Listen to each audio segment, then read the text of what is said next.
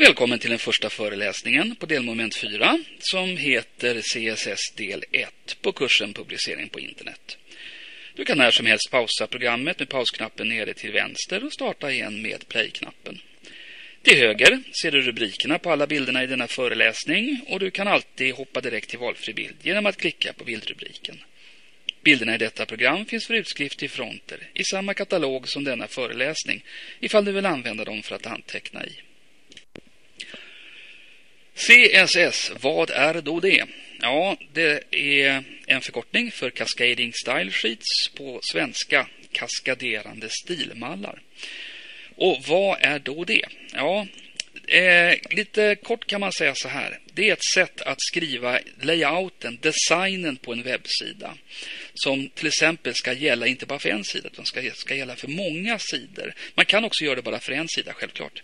Men det smarta med det här är till exempel om du har en stor sajt, hundratals sidor, så skriver du ett styrdokument, ett dokument, en stilmall, som styr utseendet på alla de här sidorna.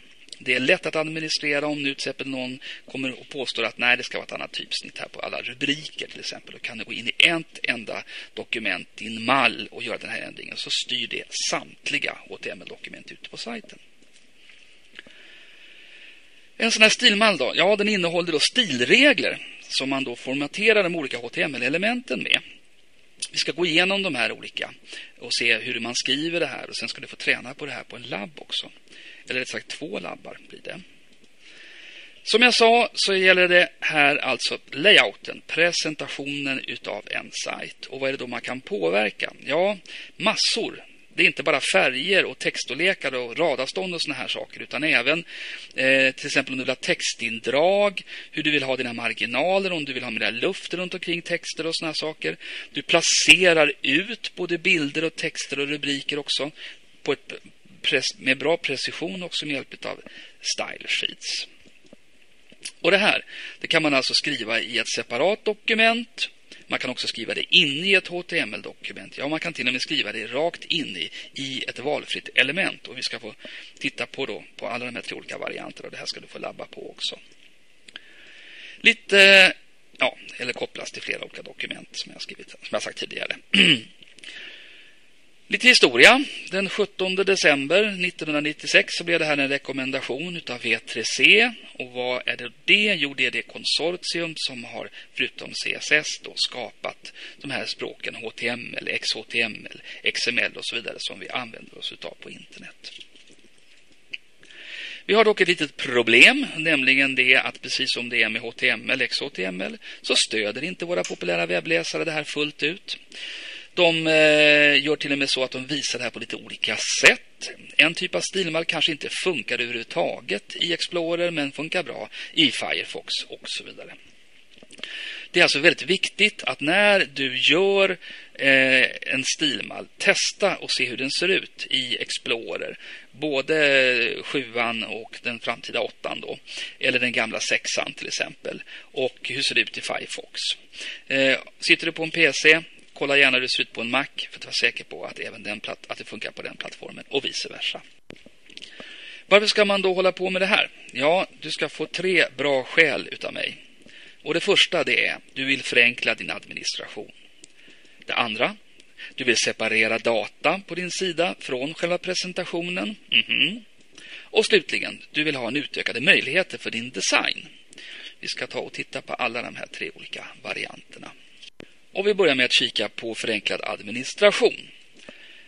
Tänk dig att du har en stor webbsajt, hundratals sidor. Och de här ska då ha samma typ av layout. Företaget har bestämt att vi använder den och det typsnittet för brödtexten. Det och det typsnittet ska vi ha för våra rubriker. Loggan ska finnas med i alla hörn till exempel. Vi har vissa färger som ska då matcha den här loggan och såna här saker.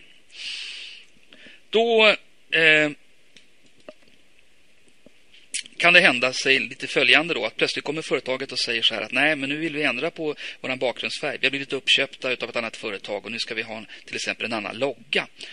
Då slipper du gå in då i alla hundratals dokumenten och ändra på den här loggan. Utan det räcker med att du går in i din CSS-mall och gör en ändring så styr det samtliga sidor på webben.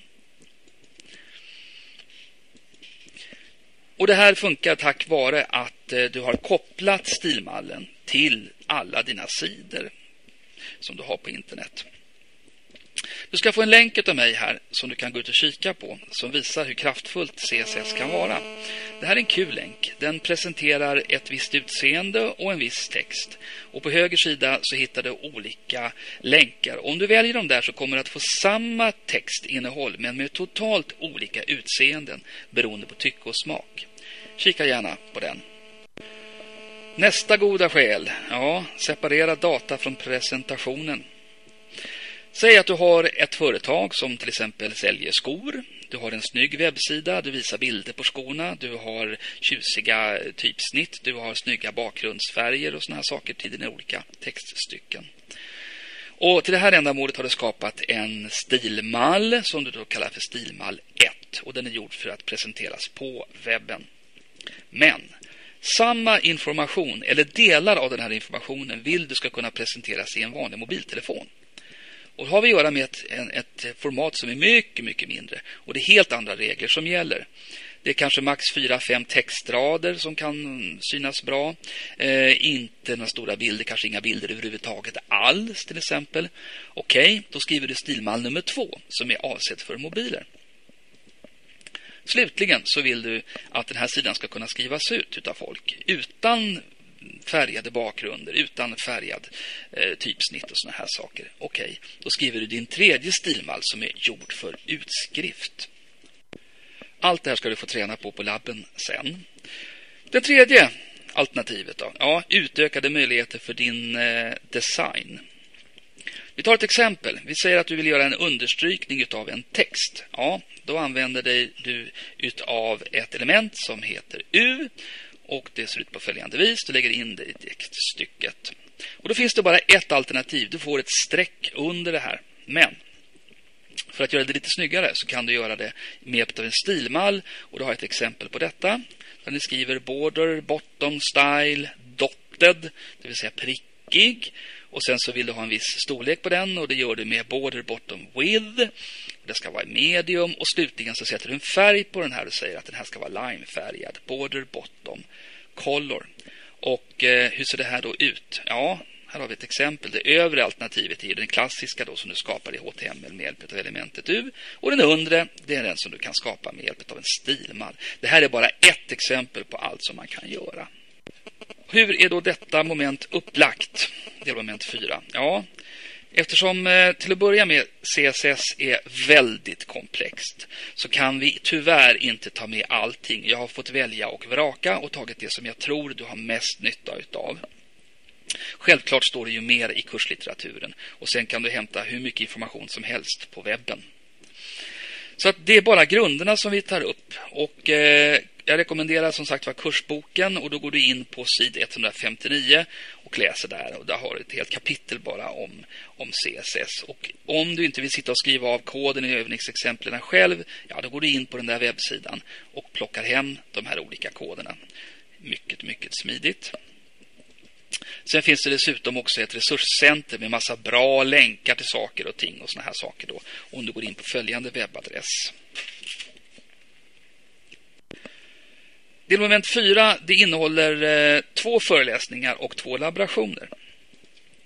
Och i den här föreläsningen då som heter CSS 1 så eh, tar vi upp och du får även testa det här på labben sen, laboration nummer 6. Så tar vi upp följande, nämligen typsnitt har du. Vi ska ta och titta på det, hur man kan påverka det, välja typsnitt och det gör man med hjälp av en textdeklaration som heter Font Family. Du kan även köra typsnittstjockleken, det vill säga om det ska vara bold till exempel. Och det gör man med något som heter font weight. Typsnittsstorleken naturligtvis med font size. Här har du obegränsad storlek att välja mellan. Du kan också till exempel få en text bli kursiv och det gör du med hjälp av något som heter font style. Här kan du placera texten till höger och till vänster och centrera den med hjälp av textline. Vill du göra indragningar? Ja, då använder du dig av textindent och då kan du då skapa till exempel några millimeter eller centimeter stora indragningar i texten vilket innebär att första raden i ett textstycke kommer att vara något indragen. Text decoration. Här kan du då eh, lägga på eller ta bort understrykningar, överstrykningar till exempel ur texter. Den här används väl nästan egentligen mest till att ta bort understrykningarna på länkar om man inte vill ha det av designskäl. Då sätter man text decoration till none. Och slutligen färg naturligtvis. Färg på text, färg på bakgrunder och så vidare. Nästa föreläsning CSS2 och laboration 7 kommer att ta upp förökade, utökade kunskaper. Nämligen någonting som vi säger boxegenskaper. Vi kommer att titta på det här med marginaler, ramar och fyllnad runt omkring saker och ting. Vi kommer att titta mera på färger och bakgrundsbilder. Jag sa inledningsvis att man kan placera ut bilder och textstycken, rubriker och så vidare exakt på en sida var man vill ha dem. Och Det kallas för positionering av sådana här boxar som innehåller texter och eh, bilder etc. Man kan också göra sådana här positioneringar med hjälp av Z-index. Jättebra om du tänker dig en vanlig graf som du sysslade med i matten. Om du inte som jag gjorde sov gott under mattelektionerna på högstadiet. Så gjorde man grafer med X och Y-axlar. Här har vi även en Z-axel vilket gör att vi får ett djup. Du kan lägga saker på varandra. Och för första gången kan man säga så kan du alltså lägga text ovanpå bilder. Vilket är väldigt bra ibland. Vi ska gå igenom det här med media types, vilket då är olika sätt att eh, bestämma att ett visst innehåll ska se ut när man skriver ut det för till exempel en vanlig dataskärm eller för en mobiltelefon, en handdator. Och slutligen displayfunktionen.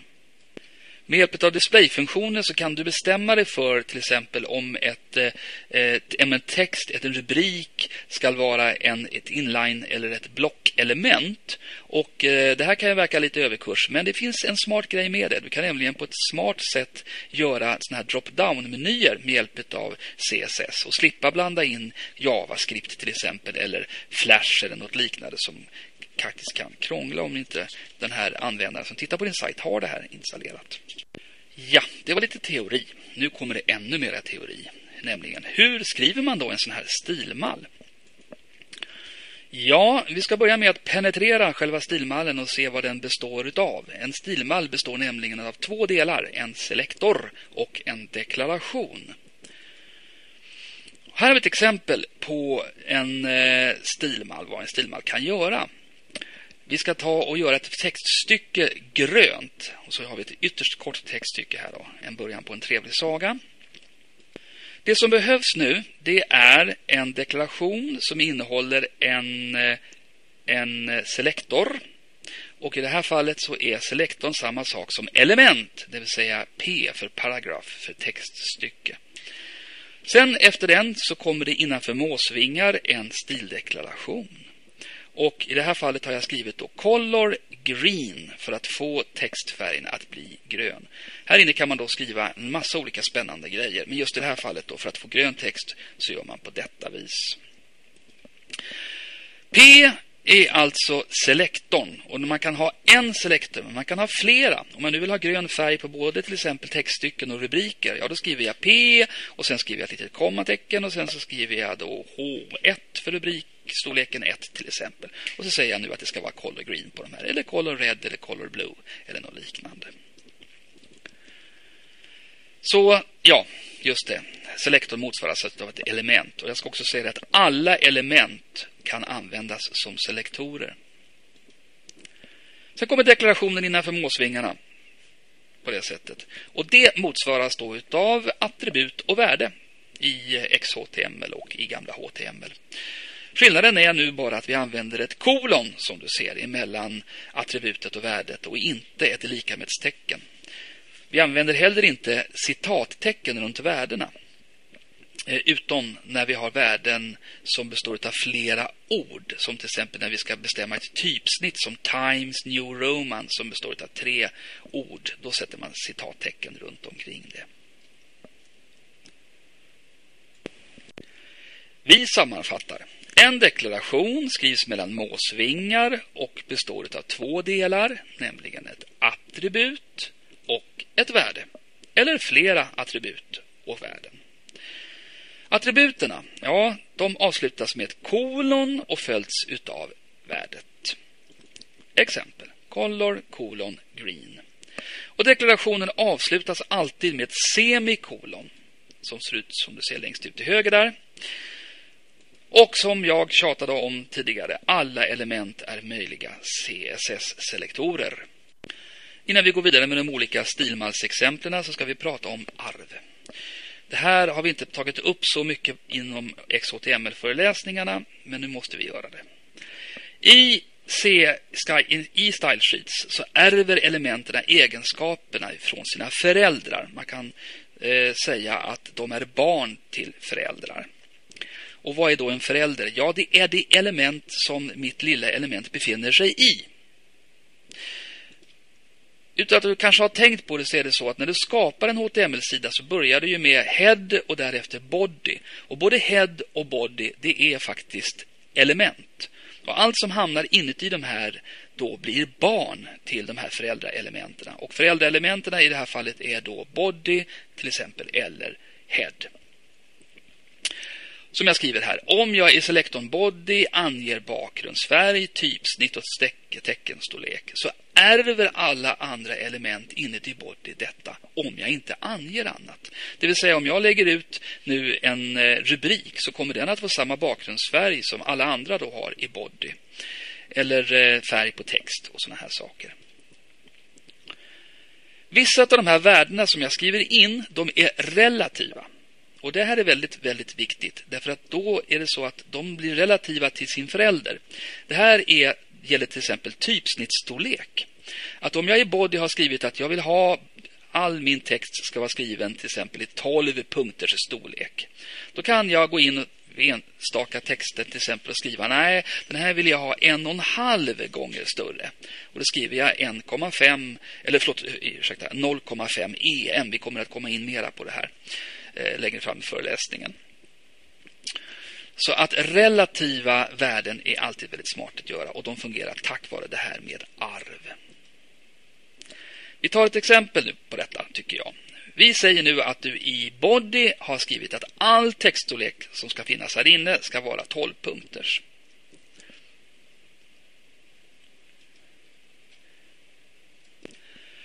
Här har jag ett exempel på en Eh, en textstorlek som inte är relativ utan absolut. Jag har skrivit large. Och Då kommer den här texten också att bli betydligt större än 12 punkter. Och Det här är lite grann beroende också på vilken webbläsare du har som när du tittar i det här, om det är Firefox eller om det är Explorer, hur här, eh, den här storleken större verkligen blir. Om jag däremot skriver font size larger ja, då använder jag mig av ett relativt mått som säger då att all text kommer att bli en och en halv gånger större än vad jag har skrivit i body, i det här fallet 12 punkters. Då var det dags att börja kika närmare på hur man skriver de här olika deklarationerna för att påverka stilen.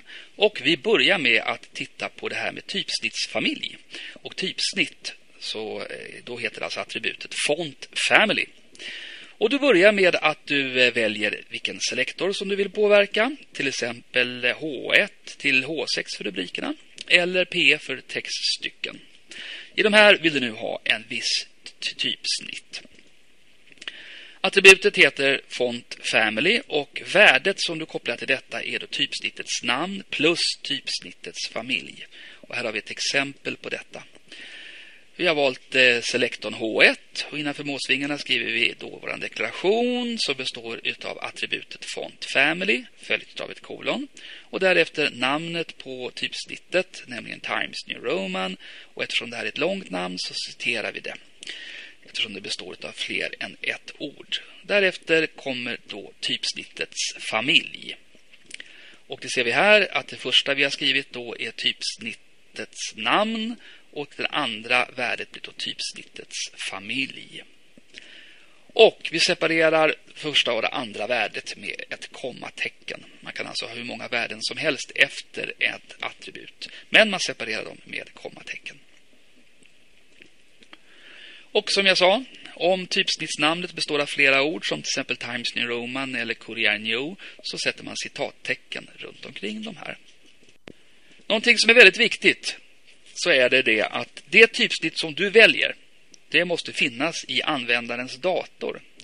Finns den inte där, då kommer, den att använda, kommer användarens dator istället att välja något annat typsnitt som är default på hennes eller hans dator. Och vilka typsnitt vet man då finns i de flesta datorer? Ja, exempelvis Times New Roman och Arial. Där har du två stycken olika som är väldigt, väldigt populära. Och eh, för att veta mer om detta så får du gå in och titta på V3Cs hemsida eller om du tittar på de föregående föreläsningarna om XHTML där jag tar upp detta med frekvens av olika typsnitt. Av den anledningen, för att styra det här på ett bra sätt, så ska du alltid ta, förutom typsnittets namn, även ta med typsnittets familj. Man kan säga det att alla typsnitt det finns inom ett x antal familjer. Vi kan eh, för enkelheten säga att det är fem familjer. Och eh, familjenamnet ska man alltså ha med här. I vårt exempel så är familjenamnet Serif. Medan själva typsnittsnamnet är Times New Roman. Man kan ange flera typsnitt som exempel och då kommer de också att visas i tur och ordning. I det här fallet har vi valt Font Family Tahoma och sen därefter Helvetica. Och finns inte Tahoma eller Helvetica på användarens dator, ja, då kommer användarens dator att få välja något annat typsnitt utav familjen sans serif. Jag avslutar alltså med familjenamnet. Och detta kan jag göra därför att båda de här typsnitterna, Tahoma och Helvetica, kommer ur familjen sans serif.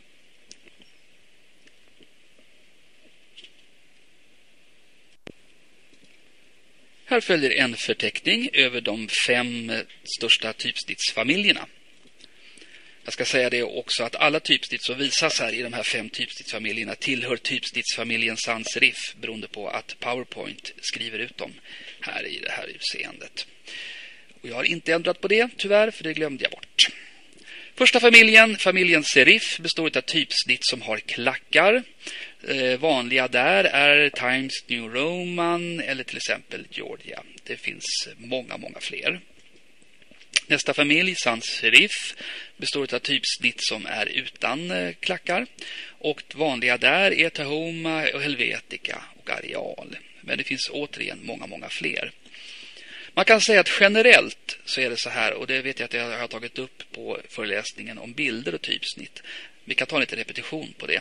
Att eh, typsnitt av familjen serif ska användas som rubriker på skärm, men som brödtext i utskrift. Familjen sans ska användas som eh, brödtext på skärm, men som rubriker på utskrift. Det är alltså ombytta värden.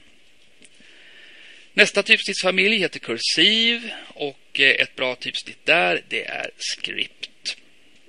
Fantasy, ganska kul typsnittsfamilj faktiskt. Critter är ett exempel.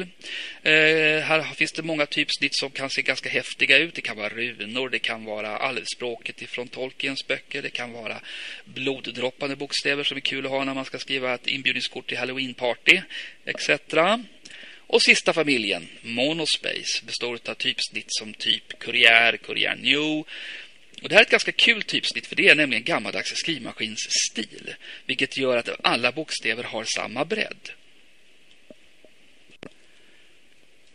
Nästa stil man ska ta och titta på det är hur man anger tjockleken på en eh, stil. Bold med andra ord. Börja med att välja en selektor, till exempel ett textstycke. Därefter så slänger vi in ett attribut som då heter font weight. Och till det så finns det ett antal värden. Normal, bold, bolder, lighter eller siffervärden från 100 upp till 900. Som då i den bästa utav världar ska då visa typsnittet med olika tjocklek här. Exempel på detta, ja, P font weight och sen värdet 700. Visas ganska så tjockt. Tanken med det här är alltså att visa typsnittet eh, med olika tjocklek. Men problemet är det att våra webbläsare visar inte olika tjocklekstyper utan att man har där valt att bara använda två värden. nämligen antingen 400 eller normal som är samma sak som normal stil. Och vill du ha fet stil så kan du bara välja mellan 700 eller bold, vilket i båda fallen visas då som bold. Inte heller med olika tjocklek, tyvärr. Och som jag sa, tyvärr så visar de flesta webbläsare bara dessa två värden.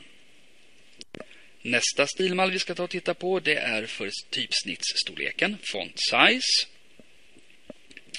Vi väljer en selektor, till exempel ett textstycke. Och vi anger då ett attribut som heter font size. Och till detta så finns det då ett antal olika värden att välja mellan. Inom eh, typerna absolut size, relative size, längd och percentage, procent med andra ord. Och vad ska man då välja för värde till sitt typsnitt? Ja, storlekar på framförallt text, men även boxar som innehåller färger och saker och ting, bilder, kan anges med olika enheter. Och den vanligaste enheten för text i alla fall är då i HTML. Det var tidigare att använda sig av size som utgick ifrån ett standardstorlek som då var default och angav storleken i sju olika steg. Men CSS ger möjlighet att skala text obegränsat och olika enheter för att ange storleken. En vanlig enhet är pixlar som även används för att ange storlekar på bildskärmar och därför erbjuder en bra kontroll över resultatet hur det ska bli på en bildskärm. Men problemet med enheten pixlar är att Internet Explorer och vissa andra webbläsare inte kan förstora dem om användaren vill se texten i större storlek. Enheten EM däremot kan förstoras i både Firefox och Internet Explorer. Och med tanke på framtida tillgängligheter är det här då en fördel. Och vi ska gå vidare och titta lite närmare på det här nu. Vi börjar med att kika på absolut size, det vill säga fasta mått. Och då har vi några stycken att välja mellan här. Här har vi eh, XX small, X small, small, medium, large, X large och XX large. Men även andra klassiska enheter som till exempel pixlar. Känner du till vad det är för någonting i det här laget? Centimeter, inga problem. Millimeter också. Är du kanske mera slängd i andra måttenheter så kanske du föredrar tum.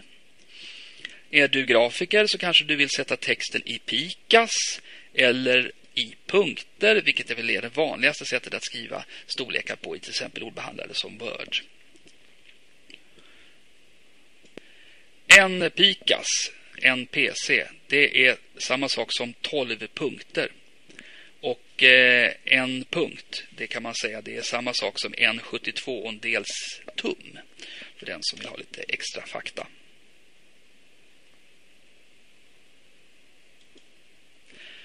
Det här kan också skrivas med ett plus eller minustecken framför om man nu vill att det ska vara ett positivt eller ett negativt värde. Många gånger är dock ett relativt, eh, en relativ storlek att föredra. Och här har du att välja mellan larger och smaller. Men även om du vill fritt använda dig av ett måttenhet så kan du använda procent. I det här fallet då så säger man då att storleken relaterar alltid till ett annan storlek. Så så är det med relativ size. Till exempel storleken på föräldraelementet. Har du i body sagt att det ska vara en viss storlek på stilen och sen i till exempel någon textstycke skriver att det här ska visas med 200 procent så innebär det att texten kommer att visas två gånger större än föräldern. Längd kan du också använda dig utav och i det här fallet använder vi då måttet EM. Och eh, både procent och EM kan skrivas med plus eller minustecken beroende på om man vill ha ett eh, negativt eller positivt värde. Enheterna PT, PC och EM, det vill säga points och pikas och EM har traditionellt använts inom typografin och trycksaker och det är förmodligen punkter, alltså PT, som är den mest allmänt kända i ordbehandlingar som Word. Enheten EM däremot är ursprungligen ett horisontellt mått och utgår ifrån bredden på bokstaven M. Två bindestreck ihop kallas för EM-dash och har samma bredd som bokstaven M. Endast ett bindestreck kallas för N-dash. Begreppet EM har inte samma betydelse i CSS som i typografin då bokstaven M inte finns i alla länders teckenuppsättningar. Alla teckenuppsättningar har däremot en höjd på tecknen och EM används i CSS som en enhet för höjd på tecknen, inte bredd. Generellt så är det alltid bättre att uppge relativa enheter än att använda fasta absoluta. Och Det beror helt enkelt på att relativa de skalas mycket lättare vid överföring från ett medium till ett annat. Det vill säga om du ska använda dig av en sida för webben och sen ska den här samma informationen presenteras i en mobiltelefon. Så det är väldigt enkelt att gå in och säga nej det här ska vara så så mycket mindre än brödtexten är satt för till exempel skärm. Det vill säga från skärm till skrivare eller ifrån skärm till en handdator eller en mobil. Då är det alltså en stor fördel att använda relativa värden istället. Så därför tänker jag tjata en liten stund om det här med EM. Enheten EM är betydelsefull i CSS för att skapa skalbara dokument som fungerar på flera enheter. Mm -hmm, det har vi sagt tidigare. Ja. Att man ska använda EM för både text och även storlek på till exempel bilder, boxar som innehåller rubriker och andra sådana här snygga saker som vi kanske lägger in på en webbsida. Och som sagt var, EM är relativt till andra element och utgår alltså ifrån tidigare formatering. Har du sagt att det ska vara en viss storlek till exempel i body så kommer alltså EM att vara i förhållande till detta. Eh, om man har sagt till exempel att brödtexten i, en para, i ett textstycke ska vara 10 pixlar så, så kan man alltså då formatera radhöjd, tecken, mellanrum, rubriker storlek på boxar med mera relativt till texten inne i det här textstycket genom att ange EM som enhet på dessa element. Vi ska ta ett exempel på detta.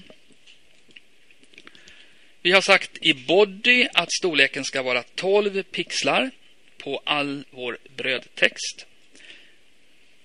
Men i rubriken så vill vi att det ska vara större.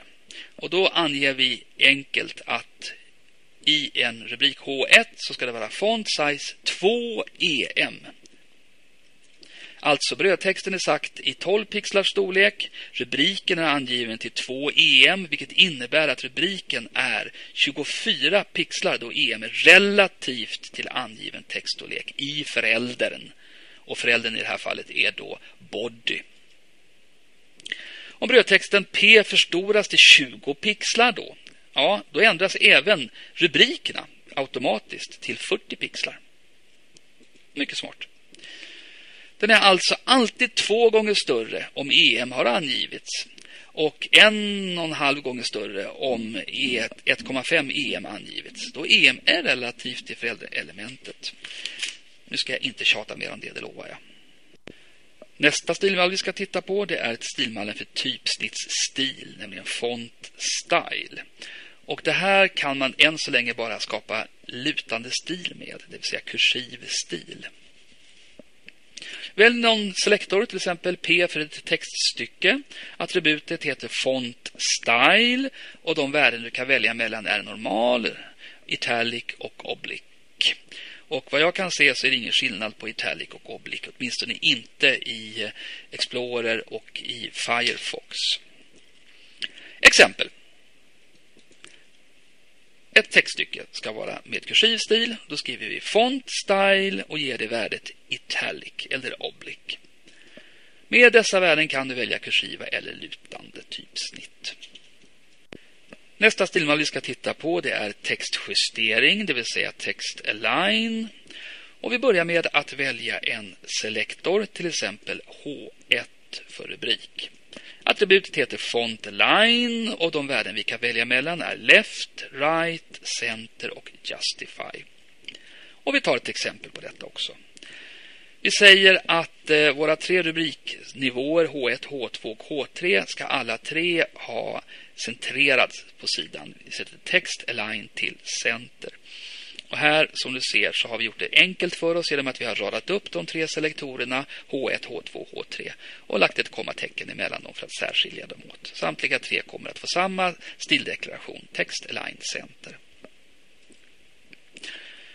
Och man kan som sagt var högerjustera, vänsterjustera, centrera texten eller skapa raka höger- och vänstermarginaler med Justify. Detta gäller naturligtvis bara om texten sträcker sig från höger till vänster sida, vänster till höger sida och så vidare. Alltså täcker hela skärmen.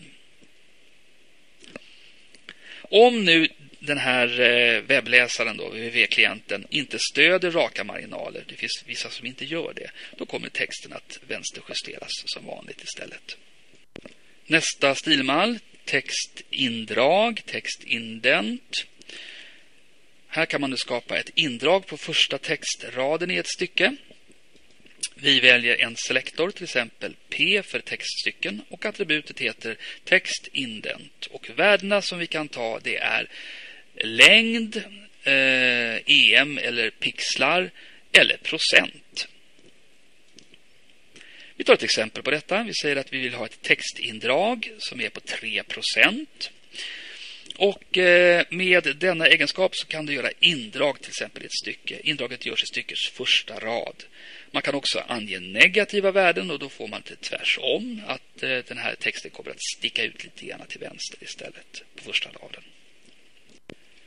Nästa stilmall, textdekorering eller textdecoration, vill jag påstå används nog i första hand för att ta bort understrykningar till länkar. Men man kan även använda den för att lägga på understrykningar på texter eller överstrykning om man vill demonstrera att någonting inte längre ska gälla till exempel. Vi väljer en selektor, till exempel A för en länk och attributet heter då text decoration. De värden vi kan välja mellan är none, underline, overline, line through och blink. Exempel på detta. Då. Mm. Vi vill ta bort en understrykning på en länk. Då skriver vi då eh, selektorn A och deklarationen text decoration och sätter den till none. Här har vi ett annat exempel. Vi säger att en rubrik av nivå 4 ska få en understrykning. Vi sätter alltså texten då till text decoration underline.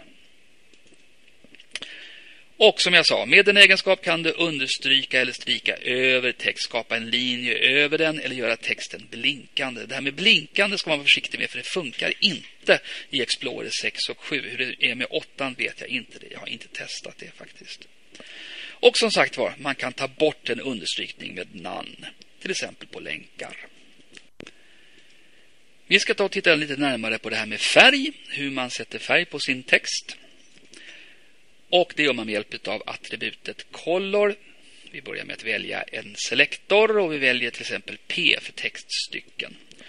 Som jag sa, attributet heter color och det finns olika värden att skriva till detta. Och det vanligaste sättet är att antingen så anger du färgens namn och då använder du bara de 16 fördefinierade namnen. Experimenterar inte med till exempel Indian Red eller något liknande. Den kan funka, men som sagt var, då är vi plötsligt browserberoende att det här bara ska fungera. Till exempel på en PC på med hjälp av Explorer. Till exempel. Men använder du dessa 16 så fungerar det i alla webbläsare på alla plattformar. Det andra sättet du skriver det på det är att skriva textens färg hexadecimalt. Och det gör du på samma sätt som du gör i eh, HTML. Exempel. P och sen så deklarationen color är lika med, eller kolon, förlåt. Och sen så kommer då färgen här, i det här fallet hexadecimalt och vi börjar alltid med ett stakettecken här också. Det finns, olika, det finns andra sätt också att ange färg på, men jag tycker att det finns ingen anledning att hålla på och lära sig det när de här två fungerar så pass bra som de gör. Här kommer lite regler som kan vara bra att känna till. En stilmall den kan bestå av flera selektorer som jag visade för några bilder sedan där vi hade radat upp H1, H2 och H3 och separerat dem med kommatecken. Alltså, gör man detta ska de separeras med kommatecken. Här är ett exempel då på tre element som ska ha blå färg. Vi har sagt selektorerna P, Table och H2 ska få blå färg. En selektor kan ha flera olika deklarationer och då separerar man deklarationerna från varandra med hjälp av semikolon. Vi tar ett exempel på det också. Ett element ska ha fontstorlek 12 punkter och röd färg. Vad vi skriver selektorn P font size kolon 12 punkter och därefter kolon förlåt, semikolon semikolon för att separera nästa, nästa eh, attribut och värde, nämligen color då, som ska vara red. Och så avslutar vi med semikolon efter red också för säkerhets skull. Missar man det så är det ingen katastrof ska jag säga, men för säkerhets skull så tar man med det. Man kan också skriva sin eh, stilmall, sin stildeklaration på lite olika sätt beroende på tycke och smak. Man får alltså eh, ha med mellanslag, tabbar och tomma rader. Det är okej, okay. precis som i HTML. Här är den klassiska kan man säga då. Man tar alltihopa på en och samma rad mellan måsvingar. Men det går precis lika bra att skriva det på det här sättet som kanske programmerare är mera vana vid att skriva det i. Det är som sagt var tycke och smak. Resultatet blir detsamma. Glöm inte att, att alltid avsluta med ett semikolon efter varje deklaration. Om du inte har tagit en paus så rekommenderar jag dig att du gör det nu innan du går vidare. För nu ska vi nämligen böka oss in i det här med klasser. Okej, okay, är du redo? Med CSS kan du formatera ett och samma element med olika stilar. Den saken har vi redan gått igenom. Det här det kan du göra genom att skapa olika klasser av en och samma selektor eller genom att skapa en selektor av själva klassen. Tycker du att det låter bökigt? Okej. Okay. Vi tar och klargör det med några exempel. Vi börjar med det första som är en vanlig stilmall, den som vi har tittat på hittills. Med en selektor längst ute till vänster, måsvingar med sitt eh, attribut och sitt värde till höger. Alla P-element i det här fallet får en röd text i dokumentet. Spelar ingen roll om man har tusentals dokument eller bara ett dokument. Alla påverkas och blir röda. Klassade selektorer kan man använda ibland om man vill göra en liten specialare. Om vi säger så här att ja, vissa av våra textstycken ska inte bara vara röda utan de ska få en annan färg. Då kan man göra på följande vis. Att man gör klassade selektorer. Och det gör man på följande att man tar sin selektor, i det här fallet har vi valt P, följt av en punkt. Därefter ett valfritt namn. Och när du döper så tänk på att använd skallen här. Alltså använd inte å, ä, ö-tecken eller något liknande konstigt. Utan ta något namn som är bra. I det här fallet så är det valfria då, eh, textstycken, p-element, som kommer att få röd text. Slutligen, vi kan göra en selektor som klass. Det vill säga vi skapar en, en klass som bara har ett tomt namn. Och Det gör vi genom att skriva till exempel punkt och därefter ett valfritt namn, kan vara vad som helst. Och säger då att i det här fallet ska den vara röd, ska bli röd textfärg. Och den här lilla selektorn som klass, den kan vi använda och stoppa in lite här och där. Till exempel på en rubrik, en tabell eller ett textstycke eller en eh, punktlista. Ja, då kommer det att bli plötsligt röd färg på texten där vi använder oss av det här. Alltså istället för att ha en generell stilmall som säger att alla textstycken ska vara röda kan vi alltså nu gå in och börja peta och säga att vissa ska vara blå, vissa ska vara gula till exempel, eller vissa ska vara neutralt svarta. Nu ska vi ta och gå igenom och titta på hur man bygger upp det här och varför. Ja, jag ska avsluta med att säga också det att när vi har selektor som klass så kommer valfria element, inte, inte bara textstycken, att få en röd text. Och vi börjar med att titta på det här med klassade selektorer. Klassade selektorer, det är smart om du bara vill göra små tillfälliga förändringar av ett element, till exempel ett textstycke. Klassa elementen genom att skriva en punkt direkt efter deras namn. Du kan skapa ett obegränsat antal klasser och därför måste du namnge varje klass med ett unikt namn för att kunna åtskilja dem. Här kommer ett exempel. Vi har gjort eh, selektorn P har vi valt och vi har då gjort en klassad selektor av detta genom att sätta dit en punkt och sen döpt den till till exempel, ja, namn var ett väldigt korkat förslag. Vi kunde, det kunde ju heta till exempel textstycke eller något liknande. Och den har vi då sagt att den ska ha en textstorlek på 12 pixlar. Du kan namnge klasserna precis hur du vill, men namnen får bara innehålla bokstäverna A till Z, det vill säga inga tyska U eller Å, Ä, Ö. Man kan använda stora eller små bokstäver, det spelar ingen roll. Man kan också använda siffrorna 0 till och med 9 och man kan använda bindestreck. Men sen ska du inte använda procenttecken eller dollartecken eller saker och ting här för då kan det stöka till sig ordentligt. Håll dig till den här enkla regeln så kommer det att fungera kanonfint. Kom också ihåg att ett namn inte kan börja med en siffra eller ett bindestreck. hur ska jag komma ihåg det här då? Ja, gör som jag. Använd bara bokstäver så slipper du hålla på och krångla. Smart va? Namn, eh, förlåt. Bara en klass kan tilldelas per selektor. Och nu tar vi ett exempel på detta som jag har sagt.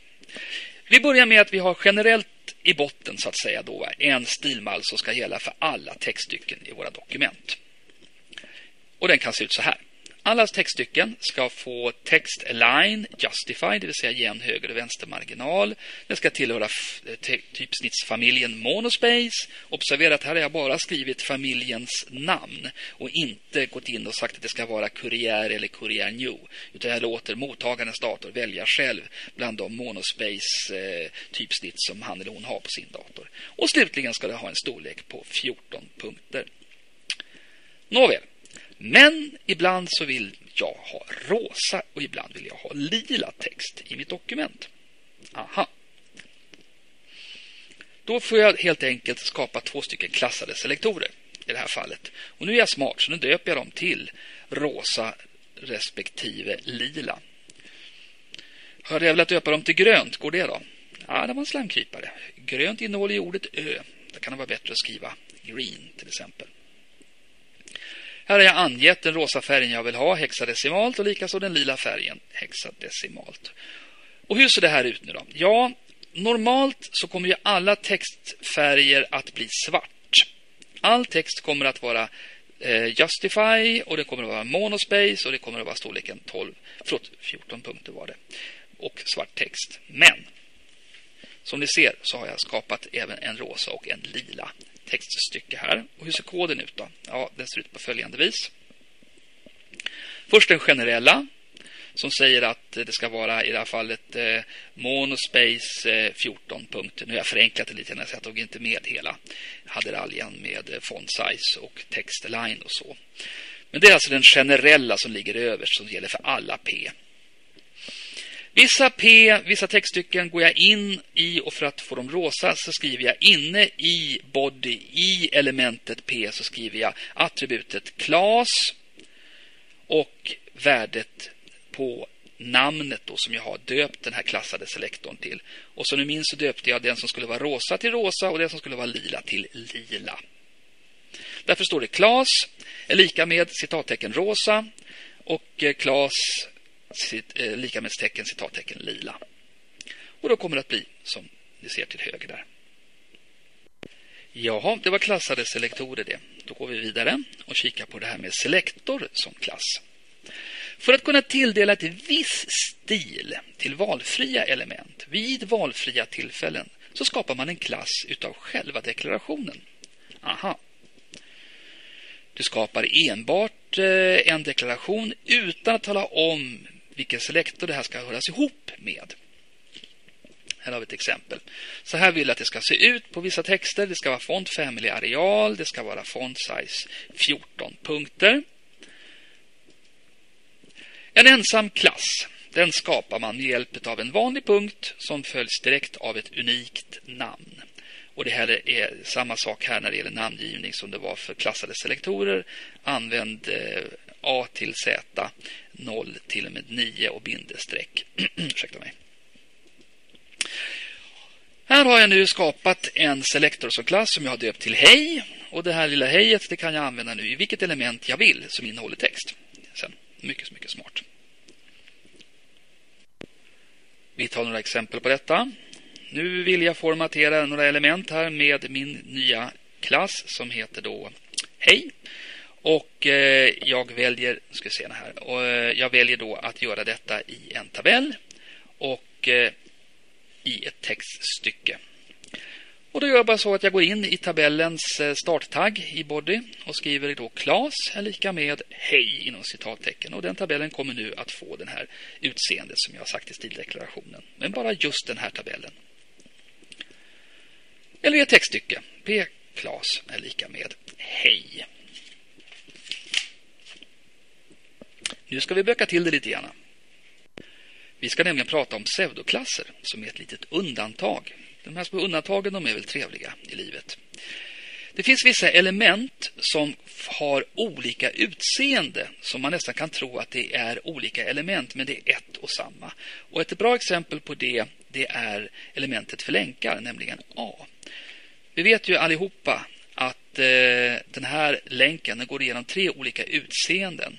Nämligen om den är obesökt, då är den normalt blå. När man har besökt den och kommer tillbaka senare, då är den lila. Och när man klickar på den så blir den i de flesta webbläsare röda. Och Det här kan man naturligtvis gå in och ändra på med hjälp av ett style sheet. Jag ska också säga det, det finns ett fjärde utseende också, nämligen hover. Man kan även ge länken ett fjärde utseende när man för muspekaren över länken, det vill säga hovrar över den. Och för att ändra designen och tilldela var och en en egen deklaration så skapar man tre eller då fyra om man vill ha med hover. Eh, pseudoklasser utav elementet A och det gör man på ett lite annorlunda sätt än de andra. Pseudoklasser, till skillnad mot vanliga klasser som skapas med en punkt, skapar man genom att man lägger till ett kolon istället till selektorn, som direkt följs av pseudoklassens namn. Och här har vi färdiga namn, så här gäller det inte att döpa själv, inte minsann. Och vi tar några exempel på detta också. Här kommer utseendet på en obesökt länk. Den vill jag att den ska vara gul. Då skriver jag en pseudoklass A kolon link. Därefter stildeklarationen color yellow. Det gäller alltså den obesökta länken. En länk som är besökt vill jag att ska vara grön och ha fet stil. Och jag skriver pseudoklassen A kolon visited. Det gäller alltså besökt länk. En aktiv länk då? Ja, jag skriver pseudoklassen A kolon aktiv och den ska ha en grå färg och en kursiv stil. Slutligen, ja det var aktiv länk det ja. Eh, slutligen vill jag också skapa ett utseende när jag hovrar med muspekaren över länken. Jag vill då att den ska förlora sin understrykning. Och det gör jag med pseudoklassen A kolon hover och skriver i deklarationen font decoration none. Förändringarna gäller när man för markören över en länk. En liten uppmärksamhet här. Aktiv länk eh, visas olika naturligtvis i Explorer och Firefox. Varför skulle livet vara lätt för? Explorer visar egenskaperna när sidan som länken leder till är aktiv och visas. Ett bra exempel på det är när man använder sig av en teknik som vi inte lär ut på den här kursen för att den är föråldrad, nämligen att bygga sidor i frames. När en viss frame är aktiv så kan man se det, nämligen att länken då blir röd. Firefox däremot visar bara egenskapen när musknappen hålls intryckt. Jag ska också säga det att det går att skapa olika länkfärger. Alltså, eh, alla länkarna behöver inte ha det här utseendet. Jag kan också skapa, om jag vill, eh, en eh, klassad selektor av varje sån här pseudoklass genom att till exempel ge den ett namn. Och I det här fallet, om vi tar en besökt länk, då skulle jag i så fall skriva så här A punkt och sen ett namn som till exempel vis, ja inte visited då, ja, men något annat namn. Därefter kolon visited. Vi ska ta och runda av den här föreläsningen med att titta på var man ska skriva sin stildeklaration. Och till det ändamålet finns det tre möjligheter. Den mest kraftfulla det är den externa CSS-filen. Den skriver man i ett vanligt textdokument. Man kan använda Notepad till exempel eller HTML-kit. Det går bra. Se till så att det inte finns någon annan text. Använder HTML-kit så måste du alltså rensa bort ditt grundskelett för här ska det bara finnas i en stildeklaration och ingenting annat. Det är en så kallad extern fil. Inbäddad i dokumentet, i HTML-dokumentet, går alldeles utmärkt och då skriver man en stildeklaration uppe i head. Slutligen, om man vill gå in i något enstaka eh, element så kan man göra det genom att använda sig av tekniken inline. Jag ska också säga det att om du har skrivit ett externt dokument som gäller för alla dina sidor så kan du gå in i något enstaka dokument och göra en inbäddad stilmall för just det dokumentet. Och då innebär det att varianten 2 här, inbäddad i dokumentet, kör override på ettan, extern fil. Slutligen, du kan gå in i ett enskilt dokument i en enskilt element också och göra en liten deklaration. Och då kommer den i sin tur att eh, göra overroll på inbäddad i dokumentet. eller naturligtvis också på extern fil. Och vi börjar med att titta på den externa filen, hur den görs. Lite kort först. Denna metod är den mest intressanta, bekväma och kraftfullaste av alla tre. Skriv en stilmall med önskade regler i en vanlig texteditor, till exempel Notepad som jag sa, och spara den sen som .css. Döp den alltså till någonting, till exempel stilmall och sätt .css efter. Gör du det här i Notepad så kan det hända att Notepad i sin tur slänger dit ett .txt efter det här stilmall.css också. Men det ser du efteråt sen när du tittar på din själva dokumentikon. Eh, då ser du om det står stilmall.css eller om det står stilmall.css.txt. Det är också av den anledningen man inte ska skriva stilmallar i till exempel Word eller HTML-dokument i Word. Därför att Word lägger till dock efteråt. Och dessutom gör de Eh, massa stildeklarationer. De gör egna formateringar av texten för att få den tjusig och färgad och det ena med det andra. Så det allra bästa är att skriva både HTML-kod och CSS-kod i en vanlig enkel texteditor, typ Notepad eller anteckningar eller HTML-kit. För över stilmallen sen till din webbserver tillsammans med dina HTML-dokument och bilder. Och för att det här ska fungera nu då, så måste du länka din stilmall till alla dina HTML-dokument och det gör du uppe i head med ett speciellt element som jag ska strax visa. Och då kommer samma stilmall att, eh, ja just det, det ska jag också tillägga, att samma stilmall kan länkas till ett obegränsat antal HTML-dokument. Och då får du alltså samma layout på hela sajten. Om du tröttnar på layouten, mm, då ändrar du ju bara i en enda fil. Du går in i CSS-dokumentet och gör den här ändringen. Istället för att gå in i varje enskilt HTML-dokument och pilla. Och hur länkar jag då det här eh, CSS-dokumentet till mina HTML-sidor? Ja, det gör du med hjälp av ett element som ser ut på följande sätt. Och det här är en typ av element som inte har ett stopptagg utan man får stoppa in en falsk stopptagg i slutet där på start, starttaggen. Eh, som du ser, på samma sätt som elementen IMG och BR som du har bekantat med tidigare. Elementet heter link och det används alltså för att länka olika dokument tillsammans med varandra. Det kan vara en stilmall, men det kan också vara till exempel JavaScript eller någonting som du har skrivit som du vill länka in här. Använder alltså link till detta. Nästa eh, attribut du ska använda dig av det heter rel. Och det skriver du tillsammans med värdet i det här fallet style sheet för att förklara att det här är style sheet. Skulle det nu vara ett JavaScript till exempel då hade du skrivit rel är lika med JavaScript istället. Nästa attribut som måste finnas med det är en adress till var stilmallen finns. Precis som i bilder så skriver du ju IMG och sen skriver du då SRC. Här skriver du HREF istället. Och så skriver du då namnet på din stilmall om du har lagt den här nu i samma, samma bredvid dina HTML-dokument. Har du lagt den här eh, i en egen mapp som, som heter Mina stilmallar, ja då får du naturligtvis stå här HRF Mina stilmallar snedstreck stilmall.css. På samma sätt som när man länkar till bilder. Slutligen så använder du av attributet type. Det måste du ha med för att de lite äldre Mozilla-webbläsarna ska förstå det här också, nämligen Netscape. Och i type så skriver du då text snedstreck CSS på det sättet. Och så här kan det då se ut. Vi börjar med att titta på själva stilmallen. Den har jag döpt till eh, Sittlmall. Bara för att jag var antagligen var väldigt trött här igår. Men det hoppar vi över. Ja, det får heta Sittlmall nu då. Mm. .css.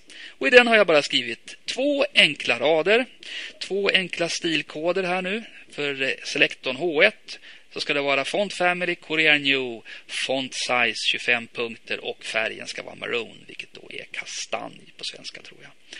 Även textstyckena vill jag ska vara förändrade. Därför sätter jag selektorn P till font family fantasy. Spännande att se vad det kan bli för någonting eftersom det är ett familjenamn, fantasy. Den väljer alltså någon fantasy-typsnitt som finns på mottagarens dator. Color Red och font size 10 punkter. Så långt själva stilmallen. Sen stänger jag stilmallen, sparar den och skickar över den till webbservern. Och sen så öppnar jag upp mitt HTML-dokument som jag har döpt till index.html. Och skriver som vanligt en eh, DTD högst upp. Den känner ni igen, ingen större förändring på den. Och därefter head och inne i head, förutom titel, som måste finnas med. Här lägger jag in nu elementet link. Avslutar head. Och därefter body och allt vad det nu kan tänkas vara för någonting tjusigt som jag lägger upp här då. Och stopp HTML. Det var inga problem, hoppas jag. Låt oss titta på nästa variant, nämligen när jag gör ett inbäddad stilmall i ett HTML-dokument. Med denna metod bäddar du in stilmallen i själva dokumentet, i själva HTML-dokumentet istället för att ha den i en separat fil. Det här gör man ju inte till hundratals dokument, det här gör man ju om det är enstaka dokument eftersom den här stilinformationen bara kommer att gälla för just det här dokumentet som jag lägger in den i. Själva informationen som kan innehålla ett obegränsat antal regler den skriver jag på precis samma sätt som jag gjorde i den externa filen. Ingen förändring alltså. Och för att få in det här nu då, uppe i head så måste jag använda elementet style med start och stopptaggarna för style. Jag ska strax visa hur det ser ut. Och en inbäddad stilmall den styr över en extern stilmall. Kör alltså så kallad override som jag sa tidigare. Låt oss ta en titt på hur det här ser ut. För att lägga in det här så måste jag använda mig utav eh, elementet style och dessutom ska jag alltid använda mig utav attributet type för att säkerställa att det här kan ses också i gamla webbläsare från Mozilla, typ eh, förlåt, eh, eh, Netscape. Därefter lägger jag till det där underliga tecknet. Det är ett kommentarstecken den känner ni kanske igen, så man kan kommentera bort vissa element i texten om man inte vill att de ska synas. För att eh, man vill testa till exempel hur det ser ut om jag inte har den här rubriken och så, så tar man kommentarstaggarna runt den här rubriken till exempel så syns det inte. Man kan också lägga in kommentarer som till exempel att här får du lägga in bilder, här ska jag lägga in det och det. Den här texten är skriven av Lisa etc. etc. Och där kommer då stoppkommentar där och slutligen stopp style. Några ord om det här med kommentarstaggarna. Lägg märke till tecknen si och så, ja, kommentarstaggar som används för att skriva osynliga kommentarer i XHTML-koden. Och Det här är väldigt fiffigt nämligen. Det är nämligen på det viset här som jag skriver att stilinformationen som skrivs då som en kommentar. Och Det har att göra med att om det här är en sån gammal webbläsare eller en mobiltelefon eller handdator som inte kan se style sheets då kommer den i värsta fall att visa den här texten som jag deklarationen som ren text inne i body vilket ser jättefult ut. Men genom att jag lägger kommentarstaggar runt omkring den så kommer den inte att synas. Eftersom det betyder på HTML-språk visa inte det här. Däremot betyder det ingenting för style sheets språk. De här texterna är bara noja goj-goj för det. Därför kommer en webbläsare som kan tolka elementet style att ignorera de här kommentarstaggarna. För det jag skriver här inne nu, det är inte HTML utan det är ju stildeklaration som följer sina egna regler. Där till exempel man skiljer mellan eh, attribut och värden med ett kolon istället för ett likavetstecken. Till exempel. Nu tar vi ett exempel på detta. Ja, vi har då ingen separat HT, inget separat stylesheet den här gången utan vi går direkt in i vårt HTML-dokument som heter index.html och uppe i head förutom DTD så och eh, title så lägger jag nu in elementet style med attributet type och värdet text snedstreck CSS. Därefter kommentarstaggar. Och nu kommer precis på sedvanligt sätt en stildeklaration här. På samma sätt som jag gjorde i den externa mallen. Jag vill att alla mina rubriker H1 ska ha Font Family Korea New. Hoppsan, här har jag missat en grej ser jag nu. Jag skulle ha skrivit citattecken runt Korea New, eller hur? Hade du funnits i Borlänge nu så hade jag bjudit dig på en, en kopp kaffe. Det hade jag lovat. Font size 25 punkter, color maroon. Jag kan säga så här. Om du kommer in till Borlänge och besöker mig, jag har med den här eh, sidan utskriven, så lovar jag att bjuda dig på kaffe. Jaha, textstyckena ska då få font Family Fantasy och färgen röd och font size 10 punkter. Och därefter så stänger jag kommentarstaggen och stänger elementet Style och stänger Head. Och nu bygger jag upp min webbsida i Body på precis vanligt sätt sådär och avslutar sen efteråt med HTML. Förlåt, stopp på HTML. Det sista sättet att skriva sin deklaration på det är inline. Och med den här metod så kan man alltså skriva en speciell deklaration i ett enstaka element eller ett antal element som ska formateras på samma sätt. Och Det gör man genom att tilldela elementet i fråga attributet style och sedan lista de olika deklarationerna som ett värde till detta attribut kan tänkas ha. Och Nu kommer en liten lustig grej. Det här är enda gången i HTML, XHTML som ett element och ett attribut kan ha samma namn. Style i det här fallet är ett attribut. Medan i föregående exempel så var ju style ett element. Det kan vara bra att veta.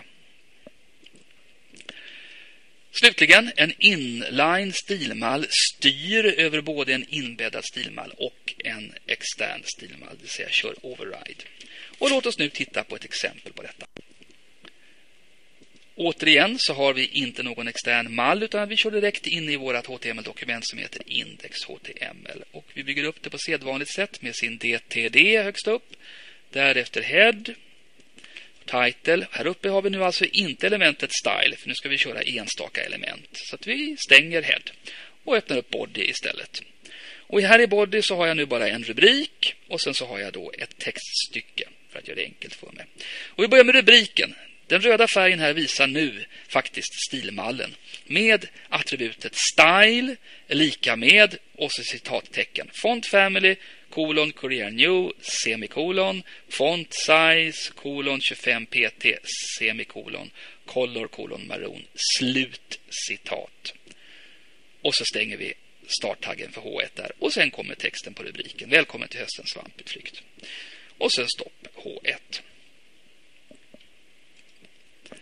Nere i textstycket så vill jag då ha font family fantasy color red och font size 10 punkter och så. Jag går alltså in i P-elementets starttagg och skriver attributet style är lika med och inom, innanför citattecken, glöm inte citattecknen, så skriver jag nu min stildeklaration. Font family kolon fantasy semikolon color kolon red semikolon och font size kolon 10 punkter. Där har jag missat efter 10 PT att skriva ett semikolon. Fy mig. Det kan bli två koppar kaffe om du kommer hit. Därefter söndagen den 15 september anordnas bla bla bla och så vidare. Och jag stänger min body och jag stänger mitt HTML-dokument. Vi ska också ta och titta på hur man gör om det är ett antal element som jag vill göra en sån här inline-deklaration på. Alltså inte bara H1 och P och så vidare utan alla P och lite annat sånt här ska kunna göras det här. Och då gör jag det på ett smart sätt genom att jag tar ett hjälp av ett element som heter span.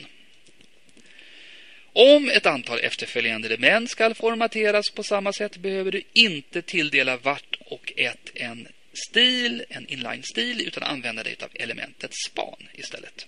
Eller span, så kanske man säger over there. Span ska omge, inte spam, span ska omge de berörda elementen. Det är också viktigt. Och så här kan det se ut. Vi har då elementet span och där inne skriver vi style och sen kommer innanför citattecken då den här stildeklarationen. Och sen innanför det så kommer då de HTML-element eh, som ska påverkas av det här och få då färgen röd och att det ska vara centrerat, nämligen H1, textstycket P här och ytterligare ett textstycke till. Och sen när vi är nöjda så står vi stopp span. Så funkar det. Elementet span är ett så kallat text level element som och kan som sådant enbart formatera den text som den innehåller med till exempel färg eller typsnitt eller någonting i den stilen. Om du vill formatera själva blocket, till exempel dess placering, sånt där som vi ska titta på på nästa föreläsning. inklusive alla element som det innehåller. Då använder du istället för span så använder du elementet div. Jag säger det här nu därför att det kan nämligen vara så att någon av er har hållit på med det tidigare och tycker vad far använder vi span för när man kan använda div? Nej, div ska egentligen bara användas för att förändra block medan span ska användas för att förändra, förändra eh, blockets innehåll, textfärg och texttypsnitt och sådana här saker. Så är det sagt. Därmed var den här föreläsningen i stort sett slut. Avslutningsvis vill jag också säga det att du har varit tålmodig som har lyssnat på mig. tycker jag är helt otroligt att du orkat med detta. Eh, vill du validera den här koden för att se om du har missat någon citattecken, något kolon eller något liknande någonstans så kan du självklart göra det. Och V3C som förutom sin stora valideringstjänst för XHTML har då också en valideringstjänst för CSS som du hittar på följande länk. Om du jobbar i HTML-kit så kan du direkt trycka på den knappen som är till vänster om den knapp som du vanligtvis använder dig utav när du ska ta och validera ditt HTML XHTML-dokument. Välj istället den vänstra knappen där så kan du testa koden. Därmed får jag tacka så mycket för att du har orkat lyssna och eh, välkommen till nästa föreläsning som heter CSS 2.